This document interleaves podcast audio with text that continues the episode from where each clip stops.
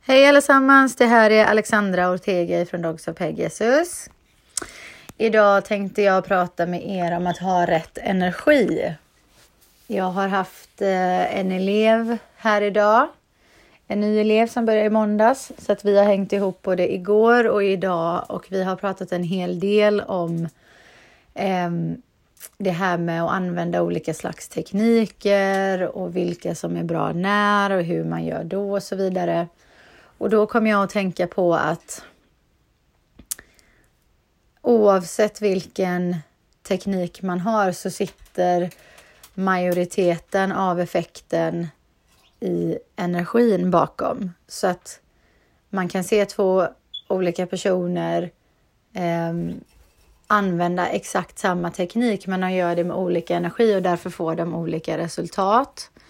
Eh, man kan också se en och samma person använda samma teknik men vid olika tillfällen med olika energi och då får man olika resultat. Så att det gäller att komma ihåg att det mesta av effekten i en teknik sitter i hur man levererar den. Och då menar inte jag tekniskt sett, utan jag menar vad har man bäddat in i den där tekniken i form av energi? Vad utstrålar man medans man levererar eh, no, alltså ett budskap med via en slags teknik?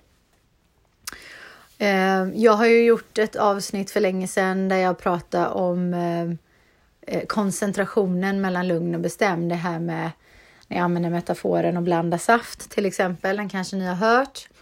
Det här är någonting annat. Jag tänker inte prata så mycket om det. Jag har redan gjort det, men eh, det här handlar om vad som är viktigt, alltså att det är så viktigt med energin. Och jag har tio tips här. Jag har en, gjort en liten lista över vad man kan tänka på. Så det är nu ni ska ta fram penna och papper för er som är gammaldags och inte använder telefonen, precis som jag. Ehm, för grejen är att alla vill, alla vill ha en teknik. Alla är ute efter en teknik. Alltså jag tjatar så himla mycket om de här tio punkterna som jag kommer dra för er alldeles strax. Ehm, och ibland så verkligen lyser otåligheten i folks ögon för att de, de är i det där läget där de bara känner men ja, ja, ja, jag hör vad du säger, men skitsamma, säg hur man gör så att jag kan gå härifrån med min nya teknik och stoppa alla problem i ett nafs liksom.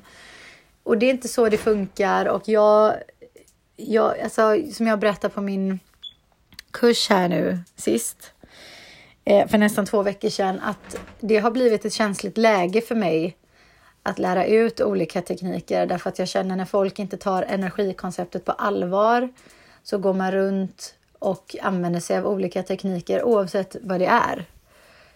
Um, och man, man, gör inte det med rätt energi och, gör, och så gör man det ändå och då känner liksom det blir fel för hunden, det blir orättvist mot hunden för att man försöker bara stänga av hunden och exkluderar sig själv ur den här ekvationen. Och det är inte så det är meningen att en sund relation ska se ut. Det handlar om att ge och ta, det handlar om att allting ska vara ömsesidigt och att villkoren ska vara lika. Så att därför är det så himla viktigt för mig att understryka vikten av att leverera budskap med rätt energi via de här olika teknikerna som finns. Eh, det är dumt, eller det kan bli dumt, att snacka tekniker eh, så här, alltså i det här formatet där ni inte ser mig, där jag liksom inte kan visa vad jag menar, för då har inte jag någon som helst aning om vilken bild ni får upp i huvudet så att jag vet inte om det jag förklarar ger er rätt vision eller inte. Eh, och det, jag vet inte, det känns... Eh, det är lite känsligt för mig för jag är... Förutom att jag är perfektionist så är det liksom... Jag känner ett ansvar i det hela att om jag nu ska lära ut en teknik så vill jag göra det ordentligt för att mottagaren är ju hunden och det här är ingenting man ska slarva med liksom. Um, om det brötar en massa i bakgrunden så, så sitter jag här med mina små chinchillor idag igen som lever loppan just nu. Men i alla fall, jag ska dra den här listan en gång för alla så att nu, det är nu ni ska vara redo. Eh, ni kan kanske skriva, eller det ni ska lägga på minnet är eh, hur man får rätt energi. Så kan vi kalla det. Hur man får rätt energi. Okej. Okay. Jag hade inte skrivit en överskrift nämligen. Jag har bara skrivit ett, två, tre direkt. Men det är klart, en överskrift kan alltid vara bra. Så hur man får rätt energi. Nummer ett, var ödmjuk. Eh, för mig är det en enorm stor skillnad när jag ser någon eh, till exempel tillrättavisa en hund med en bas av ödmjukhet och när det inte existerar en bas av ödmjukhet. Den skillnaden för mig är som natt och dag. Det är svart och vitt, alltså det är så extremt skarpa kontraster i det. Tekniken kan vara identisk, timing kan, timingen kan vara identisk, men energin är det inte. Och eh, för mig är det så här att ödmjukhet handlar om att jag gör det här för att jag behöver göra det här och syftet med detta är att uppnå, alltså att åstadkomma balans. Det är det jag är ute efter. Det är det jag vill att vi ska uppnå tillsammans. Så att det här är ingenting jag gör för att det är kul. Det här är ingenting jag gör för att det inte är kul, utan det här är någonting jag gör för att jag behöver göra det. Du behöver att jag gör det just nu. Och det finns en ödmjukhet i det. Um, för då gör man det för någon annans bästa. Inte bara för sitt eget bästa, utan det är just det här med att det är ömsesidigt. Det är klart jag vill att du ska sluta skälla, men jag förstår då att du också måste bli lugn. Så att nu tillrättavisar jag dig för att du först och främst ska bli lugn och så kommer effekten av att du blir lugn bli att du slutar skälla. Så att det finns en, en generositet i det eh, som kommer via den här ödmjukheten. Så att det är verkligen nummer ett för mig att vara ödmjuk. Sen har vi nummer två och det handlar om att ta ansvar Alltså man måste ju stå för sina beslut så att därför måste man också överväga dem väl. Man måste bestämma sig. Ehm, tänker jag göra det här? Tänker jag inte göra det här? Ehm, för att även förlusten är ju din. Om du tillrättavisar din hund och du lyckas, hundens intensitet droppar, hunden lugnar ner sig, det oönskade beteendet upphör. Det är ju en vinst i det ni har åstadkommit, det är en framgång, liksom, ni har åstadkommit en framgång. Och då vill man naturligtvis gärna vara snabb med att kamma in credden för det. Och det är inga konstigheter, men vad många glömmer av är att även förlusten är din. Så att när du har använt någon slags teknik och det inte går vägen, det kanske är för att du inte har haft rätt energi bakom. Det kan också vara att tajmingen var fel. Det kan också vara att det var fel teknik. Absolut. Ehm, men hur många gånger ser inte jag folk ha helt fel timing, helt fel teknik, men helt rätt energi så det funkar ändå. Så att energin är verkligen nummer ett där bakom. Och jag känner, när jag menar, när jag, det jag menar när jag säger ta ansvar är att om jag ska titta på mig själv så jag har inga problem med att eh, använda en fysisk teknik för att lugna ner en hund. Och jag är inte så himla... Alltså jag gillar att hålla det enkelt och basic. Det ska vara simpelt, det ska vara okomplicerat. Jag ska inte behöva stå där och tänka och fundera ut en massa olika krångliga koncept eh, i stunden för att den stunden är över väldigt fort. Då behöver man korrigera någon så behöver det ske oftast nu direkt. Eh, men och, det, och så att jag liksom, jag har inga problem med att okej, okay, just nu måste jag eller just nu behöver jag eh, använda mig av en fysisk teknik. Vi säger till exempel knycka till i kopplet, säger vi. Och det är så viktigt att jag tar ansvar för att jag äger det beslutet, att det är jag som har tagit det beslutet så att jag kan stå bakom det beslutet. För då står jag stadigare i det. Det finns, inga, det finns ingen osäkerhet och framförallt så är jag beredd att ta ansvaret om jag skulle bli ifrågasatt, om det inte skulle bli som jag hade tänkt mig. Alltså det är inte bara att kamma hem credden för när det går bra, utan det är väldigt viktigt att man tar ansvar oavsett.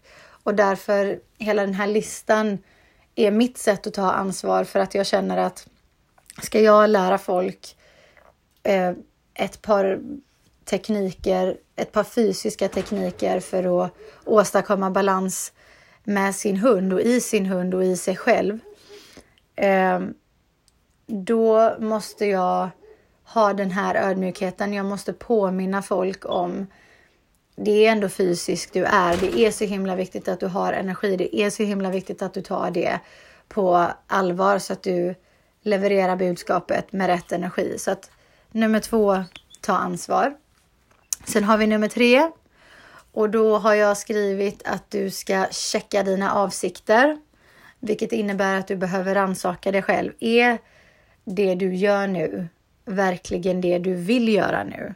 Därför att väldigt många gånger så ser jag att folk korrigerar sina hundar eller sin hund. Eh, det kan vara för att impa på någon till exempel.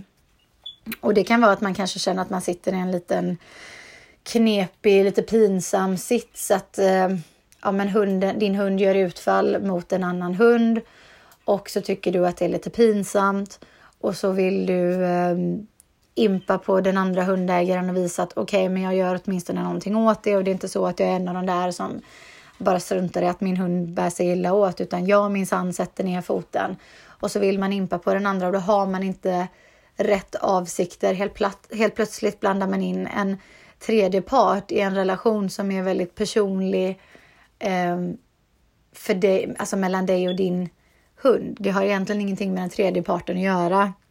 De råkade bara vara mottag, eh, mottagarna i, i den här stunden, i den här situationen, den här gången. Men det är egentligen en relationsdefekt som gör att det här sätts i system med en hund som gör utfall till exempel. Eh, och sen har man också det här, många förstår på ett intellektuellt plan att någonting de har fått rekommenderat för sig är någonting de borde göra. Säg att jag säger till en person att du borde inte låta din hund förfölja dig till exempel för att du kommer att uppmuntra eh, separationsångest. Du kommer att skapa ångest när hunden väl ska vara ifrån dig och det kan bli ett problem och du kan trigga dominansbeteenden och så vidare. Eh, och ängslighet och alla möjliga grejer. Så att låt inte hunden förfölja dig. Stoppa den och låt den ha en bädd där den får vara istället. Och eh, då känner folk så här, ja men när jag hör dig beskriva varför och hur, det känns helt rimligt för mig, det låter logiskt, jag köper det rakt av, inga konstigheter. Men på ett emotionellt plan så är det fortfarande svårt. Alltså hjärtat och hjärnan hamnar i konflikt med varandra. Så att hjärtat liksom, ja, jag fattar att jag, eller liksom hjärnan fattar att man behöver stoppa hunden, men hjärtat säger det gör fortfarande ont i mig att se dig olycklig. Det gör fortfarande ont i mig att se min hunds ansiktsuttryck när den inte får förfölja mig längre, för i det ögonblicket så är den olycklig. Det är så man tolkar det. Så att då är avsikterna inte helt rena eller helt där de ska vara. Då, är, då har man inte den här ödmjukheten i att jag gör detta för dig. Då finns det fortfarande ett uns av egotripp kvar i det hela därför att man är fortfarande smickrad innerst inne av att hunden förföljer en. Man känner sig fortfarande utvald, man känner sig fortfarande eh, liksom, vad ska man säga, alldeles för bekväm i att hunden vill vara hos en hela tiden och man tar det som någonting pers liksom positivt personligt. Eh, för att annars hade det varit så här att vad spelar det för roll om du vill vara med mig hela tiden? Jag tar inte det som smicker alls, utan jag tar detta som att det är någonting negativt, att du är så ångestladdad eller så ängslig eller så himla dominant att du vill vara i mitt personliga space hela tiden. Så att nej, det här är inte gulligt någonstans. Det finns ingen anledning att umka dig och rent känslomässigt så det är inte bara så att jag tänker att detta är rätt grej, utan jag känner att detta är rätt grej för jag vill ge dig en inre harmoni så att därför har jag noll problem med att säga till dig just nu. Då blir avsikterna renare, då blir avsikterna vart de ska vara. Då handlar det inte längre om att man ska impa på någon och det handlar inte längre om att man blir smickrad på något plan överhuvudtaget, utan man prioriterar hundens mentala välbefinnande före allt annat och punkt. Så nummer tre, checka dina avsikter. Nummer fyra, blanda inte in värderingar som du tar personligt så att du blir förnärmad och vill hämnas på hunden. Och eh, vad ska vi ta för exempel då? Ja, men säg att Jag har sagt till hunden att sluta med någonting och så gör den inte det. Återigen gör den vad jag sa att den inte skulle göra. För att istället för att säga bli lugn så har jag sagt sluta med någonting och bara det gör det hela mycket mer komplicerat. Det är alltså inte där man ska fokusera. Man, man ska fokusera på vad man vill att hunden ska göra, inte fokusera på vad man inte vill att hunden ska göra. Men i alla fall, och då blandar man in värderingar som till exempel just nu trotsar du mig. Alltså du din lille skit till hund håller på att trotsa mig som är din ägare. Jag äger dig och jag matar dig och jag tar hand om dig och jag betalar för dig och jag bryr mig om dig. Och så går du runt och trotsar mig och skiter i vad jag säger. Det blir liksom på ett personligt plan helt plötsligt. Och då blir man förnärmad. Då tar man illa upp. Då tar man illa upp i sitt, i sitt ego. Och då vill man helt plötsligt hämnas på hunden. Och då kan ni ju tänka er själva, hur blir energin då? Om du har den eh, känslan i dig, om du har de avsikterna i dig när du ska korrigera din hund och åtgärda någonting som händer. Hur kommer det bli då? Så att det är väldigt viktigt att eh, se till så att man inte blandar in de här värderingarna, inte tar det personligt, inte blir förnärmad, inte låta sitt ego bli förnärmat så att energin blir hämnd. Jag vill dig illa just nu för att du gjorde mig illa just nu. Det är någonting helt annat än att tänka jag vill att du ska bli lugn och harmonisk, lugn och harmonisk för då blir allting bra här för alla och det är bra för dig om inte annat. Liksom. Så att avsikterna är, är negativa när man vill hämnas och då blir energin därefter och då blir tekniken därefter och då blir resultatet därefter. Så nummer fyra, blanda inte in värderingar som du tar personligt. Sen har vi nummer fem. Ta det i tid. Och varför säger jag ta det i tid? Jo, därför att antingen så ska folk spela så himla snälla så att de säger inte till när hunden är intensiv på 5% De säger inte till när hunden är intensiv på 15% De börjar störa sig lite när hunden är på 30% för det är inte gulligt längre. Ehm, stör sig ännu mer när hunden är på 45 procent. stör sig betydligt mer när hunden är på 60 procent. och då går man in för första gången och säger till, om ens då. Många hundar hinner hamna på 70, 80, 90 procent, 100 till och med, innan man går in och bryr sig. Och vid det laget blir man skitförbannad. Så att det här med att spela för snäll leder ofta till att man blir superduper aggressiv. Därför att om du har svårt att sätta stopp för hunden när intensiteten inte är speciellt hög och det inte krävs speciellt mycket av dig ehm, så får, och du inte ens kan göra det då, då får du naturligtvis väldigt svårt att stoppa hunden när den är superduper intensiv. Och enda sättet för dig att göra det är att musta upp jordens ilska liksom. Ehm, och det blir inte heller rätt energi. Och grejen är så här också. Jag har skrivit att jag hittar på mina egna ord hela tiden, det är bara jag som förstår dem. Så jag ska, jag ska förklara för er vad jag menar. Jag har skrivit eh, inom parentes att humörs, eller humörstyrsel är makt. Och med det menar jag att den som styr över den andras humör är den som har makt. Det är den som har makten. Så att om en hund gör någonting den inte ska och du blir rosenrasande eller jätteledsen eller superorolig eh, på helspänn och hur nervös som helst och hunden märker att herregud, det jag gör, gör kontrollerar ditt humör. Det kontrollerar din sinnesstämning eh, helt och hållet. Din sinnesstämning är baserad på vad jag gör. Så att makten sitter hos mig, bollen ligger hos mig. Eh, så blir jag jobbig blir du arg. Är jag lugn blir du glad.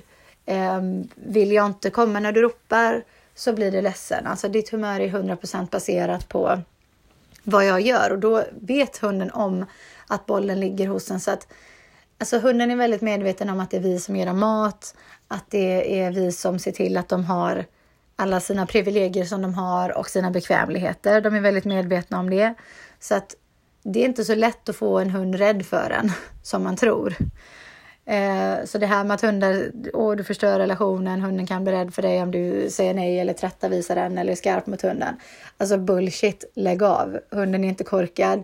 Så att hunden vet så väl om att alla de där bra grejerna kommer från dig och att även om du är arg nu så är du arg för stunden och den vet av erfarenhet att sen går vi hem och så är det frid och fröjd och så är det ingenting med det. Eh, så den blir inte rädd. Den kan, bli, den kan tycka att du är läbbig i stunden om du är läbbig i stunden. Men det är inte så att, det, att, att hunden blir livrädd för dig. Och då när du blir arg så har det liksom egentligen ingen mer effekt än att hunden bara Jaha, men okej, okay, så att nu när jag blev lite jobbig så föll du platt som en pannkaka direkt. Alltså ditt humör gick från soligt och glatt och pikt och positivt till platt fall verkligen ner i avgrunden för att jag inte gjorde som du sa tre gånger.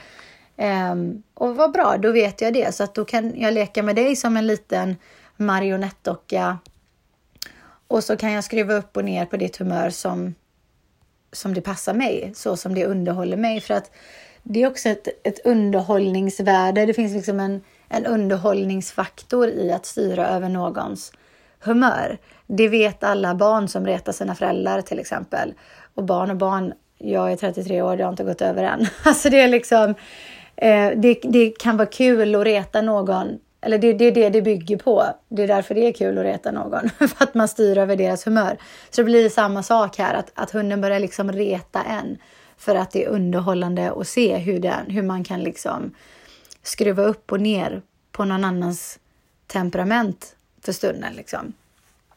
Så att det här med att ta det i tid undviker allt det, för då kan du stålsätta dig för sådana saker. Då, då är du redan du är, du är liksom in good shape i det läget. För att jag tar dig redan på de där 5 procenten. Redan när du börjar eh, luta åt fel håll, redan när din intensitet börjar öka.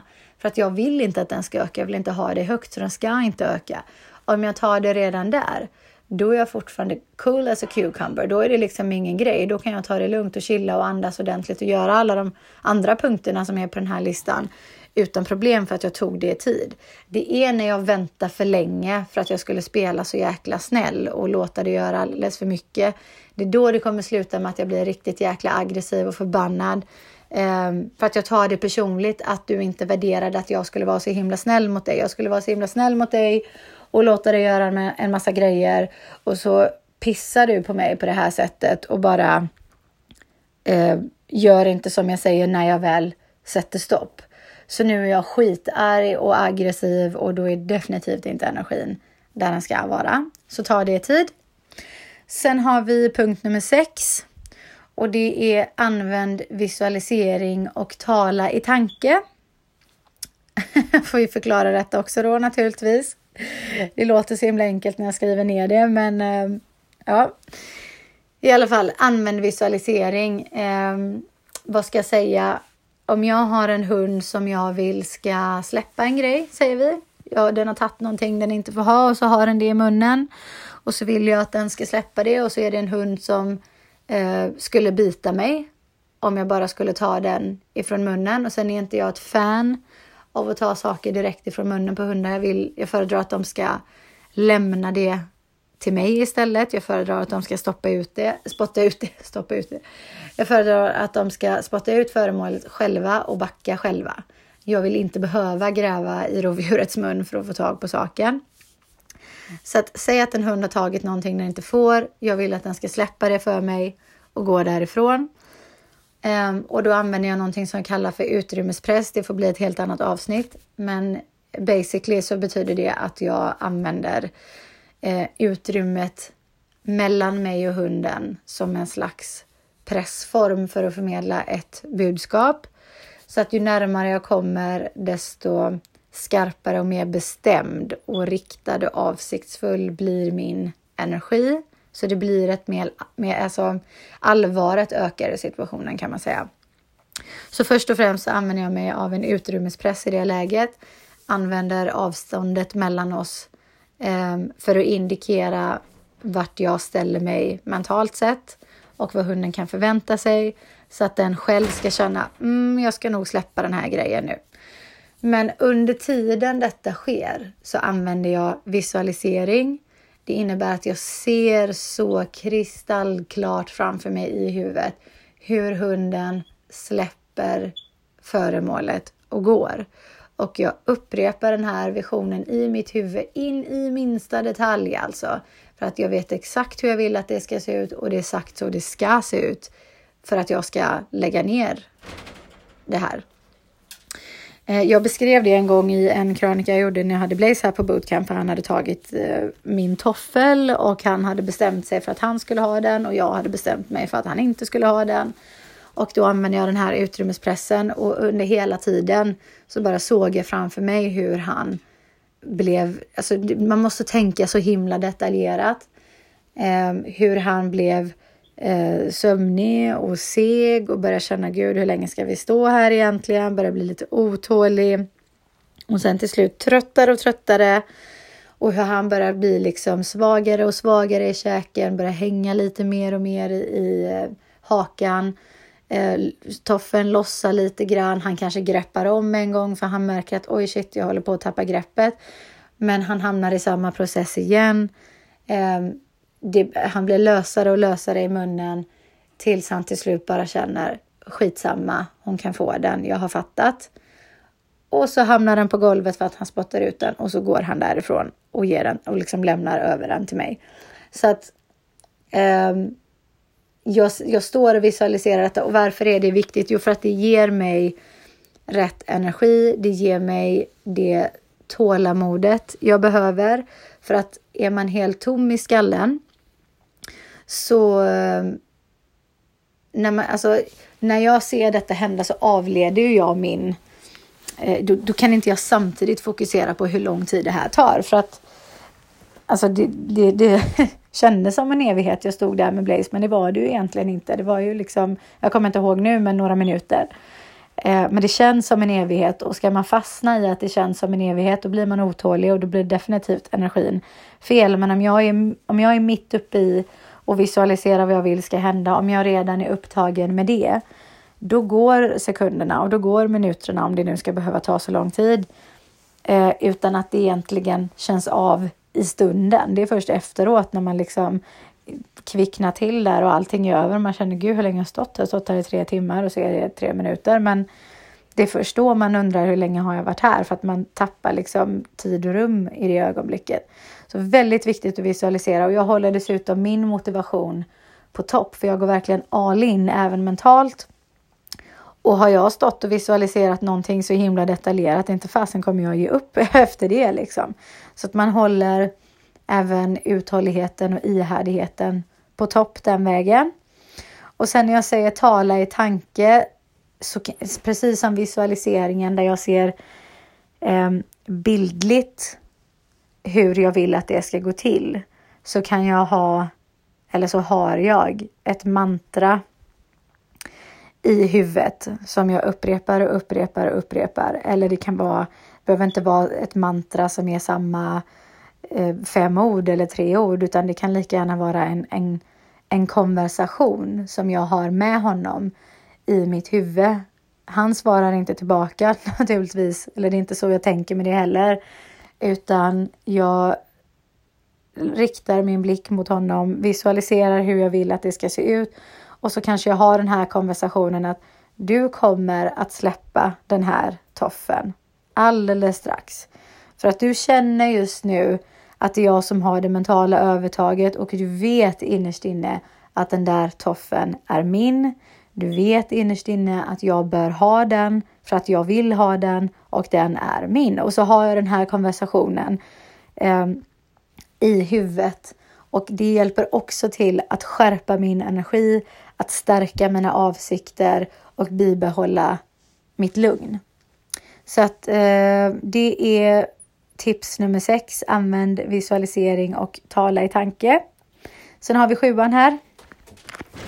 Matcha intensiteten.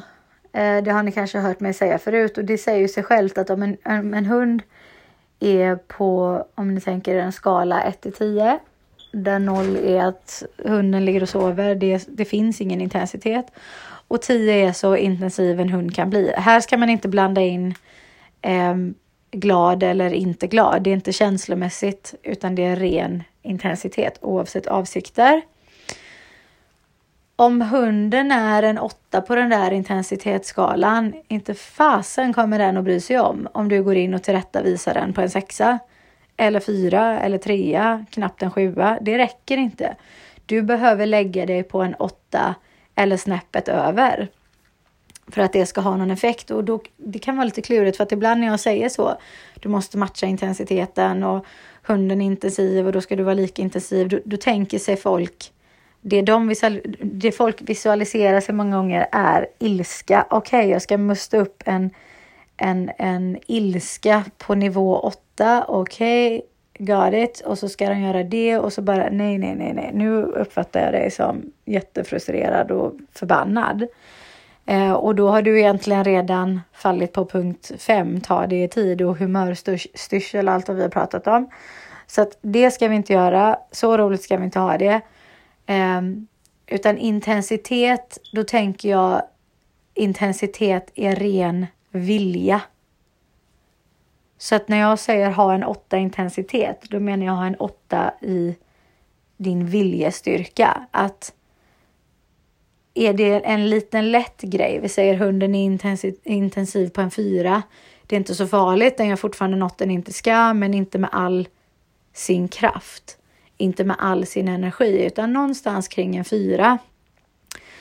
Då behöver inte jag vara en åtta, utan då räcker det med att jag är en fyra, kanske en femma. Så att då mustar inte jag upp samma energi i min vilja. Jag vill fortfarande samma sak, jag är fortfarande bestämd, men det kan räcka med att med en kanske lite mer, vad ska man säga, eh, lite barskare röst, lite barskare tonläge, eh, liksom fräser och tunnat. gå därifrån liksom. Och så räcker det för en fyra. Säger man gå därifrån till en, hunda som, hund, hunda, till en hund som är en åtta. Ja men alltså glöm det, hunden hör ju inte ens att du är där. Hunden hör inte ens att du pratar för att åtta är väldigt intensivt. Så att det är inte ens att hunden försöker trotsa dig eller skita i dig. Utan hunden är inte ens medveten om att du uttrycker dig liksom. Ehm, så att då måste jag musta upp en åtta eller nia i min viljestyrka. Och det kan jag göra i en kombo som kan vara allt. Jag kan, jag kan musta upp det i en kombo av blick, en superintensiv blick, alltså en blick. Och det behöver inte ens vara att jag spärrar upp mina ögon. Jag kan ha helt neutral form på ögonen.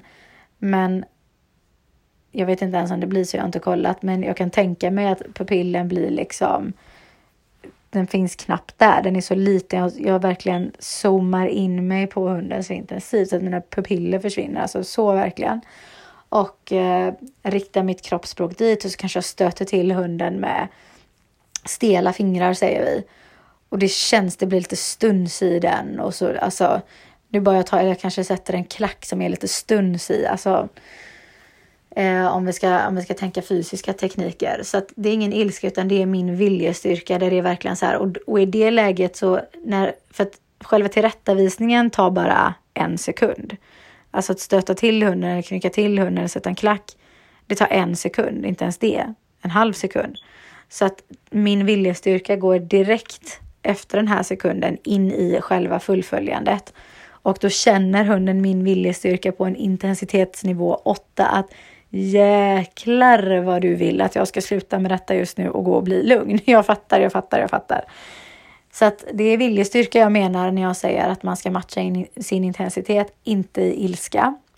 För är man för svag i sin intensitet så kommer man att behöva tjata. För att det räcker ju inte. Hunden fattar ju inte, hunden vet inte, hunden känner inte, den märker inte. Så du kommer att behöva tjata och vad händer när man tjatar? Då blir man förbannad till slut eller helt uppgiven. Antingen ger man upp och skiter i det eller så blir man jätteförbannad och då går vi in där på aggressionen och så blir det fel energi ändå. Och är intensiteten för stark så kan det antingen bli det här med eh, att avsikterna inte är vad de borde. man kanske hämnas, man kanske försöker impa på någon. Det är därför man säger till så himla intensivt. För de ska minsann se hur arg jag kan bli på min hund och hur mycket jag kan visa allvar. Det är typiskt män ska jag säga om jag ska generalisera i min kundbas. Um, så att det vill vi inte heller och det kan också ge en överdriven effekt när man blir för intensiv. Alltså hunden kan bli helt spattig och stressad av det eller den kan eh, hamna i flyktmode eller den kan gå i försvar när man är för intensiv. Så det vill vi inte vara, så att matcha din intensitet. Sen har vi punkt 8 och det är att fullfölja och jag har pratat massor om det här förut. När jag säger fullfölja så rent fysiskt menar jag att man gör det med sin blick. Man riktar sin blick mot hunden. Det spelar ingen roll om hunden tittar tillbaks på det eller inte. Ni får lyssna på mitt avsnitt som handlar om ögonkon ögonkontakt. Kommer inte ihåg vad det heter nu, men det finns där någonstans. Eh, och rikta sitt kroppsspråk också. Man, man står inte vänd bort mot hunden utan man ställer sig vänd mot hunden. Och eh, gör detta i cirka 5 till 15 sekunder. Det kan vara 3 sekunder, det kan vara 25 sekunder. Men ungefär 5 till 15 sekunder är där man som oftast hamnar. Och poängen är att man inte har bråttom utan man håller ställningarna och visar att man menar allvar. Och antingen, alltså så länge du följer efter hunden för att du vill fullfölja så har inte fullföljandet startat utan fullföljandet startar när du har hunden när du vill ha den, när den är stilla och står där och du ser att den sjunker i intensitet för att du står där och håller ställningarna och inte låter den smita utan jag lämnar den här situationen. Jag släpper det här scenariot när du har blivit lugnare, när du har blivit så lugn som jag accepterar. Så det är att fullfölja, ingen brådska. Sen har vi punkt 9. Och det är att man återgår till sin vanliga energi precis efter. Så att den energin du behöver musta upp eh, för att utdela en tillrättavisning till exempel. Den ska hålla under tillrättavisningen och den ska hålla under fullföljandet, vilket innebär allt som oftast under en minut. Ganska mycket under en minut. Många gånger är det verkligen några sekunder vi pratar om. Men det beror också på hur långt man har kommit i sin relation med hunden, hur långt man har kommit i processen med hunden, vad det oönskade beteendet har varit, hur hög intensiteten har varit, hur van den är vid att du står på dig och fullföljer dina tillrättavisningar och så vidare. Så, så, sånt här spelar roll. Men poängen är att du återgår till din vanliga koncentration av lugn och bestämd direkt efter. Du blandar till saften i rätt koncentration direkt efter så att du ska inte gå runt och hysa agg mot hunden. Men du ska också, du ska, alltså, du ska inte gå runt där och sura på hunden och snegla på hunden och vara liksom bitchy och konstig mot hunden hela dagen för att den gjorde någonting som du redan har åtgärdat. Det finns liksom ingen anledning. Men du ska fortfarande behålla din integritet. Så det finns heller ingen anledning att tillrättavisa hunden, speciellt inte om det har varit för någonting av den allvarliga sorten. Och sen direkt efter ska du rumla runt där på golvet. För det, alltså inte ens hundar gör det. Man håller inte på på det sättet, utan jag behåller min integritet. Du gjorde någonting jag inte gillar. Det är inte så att vi behöver vara ovänner för resten av dagen eller ovänner överhuvudtaget. Eh, men du kan, du, du, vi behöver inte kela direkt efter. Nu liksom, om, om något så var väl att jag behövde åtgärda det, speciellt på den här nivån, en indikation om att vi ska hålla intensiteten nere. Så att nej, inget kramkalas här just nu liksom. Så att det var punkt 9, återgå till vanlig energi. Och sen har vi sist i raden här av mina 10 tips för hur man, eh, vad jag nu kallade det för, eh, får rätt energi. Och det är att man justerar upplägget vid behov för att mot, äh, motverka slip-ups. Alltså, vad har du lärt dig nu då? Från punkt 1 till 9. Det, för det är ettan till nian du använder för att få rätt energi. Men för att du ska bli bättre och bättre och bättre på det där och det till slut ska sitta i ryggmärgen så får du inte skippa tian här nu. Vad har du lärt dig hittills? Vad har du lärt dig om din hund? Vad har du lärt dig om upplägget? Vad har du lärt dig om situationen ni hamnar i? Vad har du lärt dig om dig själv och dina gränser? Vad har du lärt dig om dina begränsningar? Vad har du lärt dig av det här scenariot? Justera upplägget eh, vid behov. Om det är någonting som du märker fasen, okej okay, nu är det över och nu när jag tänker till så bara jag skulle aldrig ha låtit honom gå så långt bort. Jag skulle aldrig låtit henne vara så nära. Jag skulle inte eh, kelat med båda hundarna samtidigt. Eh, jag skulle satt eh, jag skulle väntat längre innan han fick hälsa på gästerna. Alltså vad vet jag vad det handlar om. Men vad har du lärt dig och ta fasta på det, justera upplägget så att du inte behöver hamna i den situationen igen. Att ha det bakhuvudet hjälper till och ger dig rätt energi också för att det, det sitter lite ihop med punkt två där, att du tar ansvar hela vägen, även after the fact liksom. Så att det här med att motverka slip-ups, alltså motverka misstag, jag min svengelska. Um, det är ju för att du ska bli bättre och bättre på det du gör. En bättre ledare helt enkelt. Din hund förtjänar att du satsar på det och du förtjänar att du satsar på det. För det här handlar också om personlig utveckling och för varje steg som du tar i att bli en stabilare ledare. Du kan lika gärna byta ut ordet ledare mot person eller individ eller jag eller vad du vill. Alltså, det här är ju någonting som du gör även för dig själv. Man kan inte vara en god ledare i onödan. Det är ingen som liksom, ja ah, men god ledare, nej fasen jag hoppar det, vad ska jag med det till liksom? Alltså det, det här livet är så oförutsägbart så man vet aldrig när man behöver, eh, när man, när man, när man behöver damma av sina goda ledaregenskaper och ta sig igenom eh, knepiga situationer eller undvika knepiga situationer. Det är varje dag, det är ju jämt liksom. Så att gör detta för båda skull. Gör detta för din hunds skull och gör detta för din skull i allra högsta grad. Jag upprepar en sista gång snabbt så att ni kan eh, bocka av om ni har fått till det rätt här i ordningen. Konsten att eh, musta upp rätt energi. Det var inte så vi kallade det, men jag kommer inte ihåg vad det var så att det får jag hoppas att ni har skrivit ner. Nummer ett. Var ödmjuk. Nummer två. Ta ansvar. Nummer tre. Checka dina avsikter. Nummer fyra. Blanda inte in värderingar som du tar personligt. Nummer fem. Ta det i tid. Nummer sex. Använd visualisering och tala i tanke. Nummer sju. Matcha intensiteten. Nummer åtta. Fullfölj. Nummer nio. Återgå till vanlig energi. Och nummer 10. Justera upplägget vid behov för att motverka slip-ups. Också kallat snedsteg eller misstag. Okej okay, gott folk, vi nöjer oss så här för den här gången. Eh, det här tyckte jag var konkret och bra även om jag svamlar iväg och, och hamnar på villovägar och, och glömmer och sånt som jag gör. Men eh, ni kan ju spola tillbaka det här så att tio lyssningar senare så kanske ni har fått ihop något vettigt av det. Vi hörs väl eh, nästa vecka då. Jag har ett, ett ämne som jag längtar redan nu efter att få ta upp som eh, ligger mig varmt om hjärtat och som är så fruktansvärt viktigt och vanligt.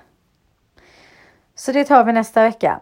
Men eh, ni får ha en så trevlig morgon, middag, kväll, natt eller när ni nu än lyssnar på det här och så hörs vi. Toodiloo allihop, mot balans!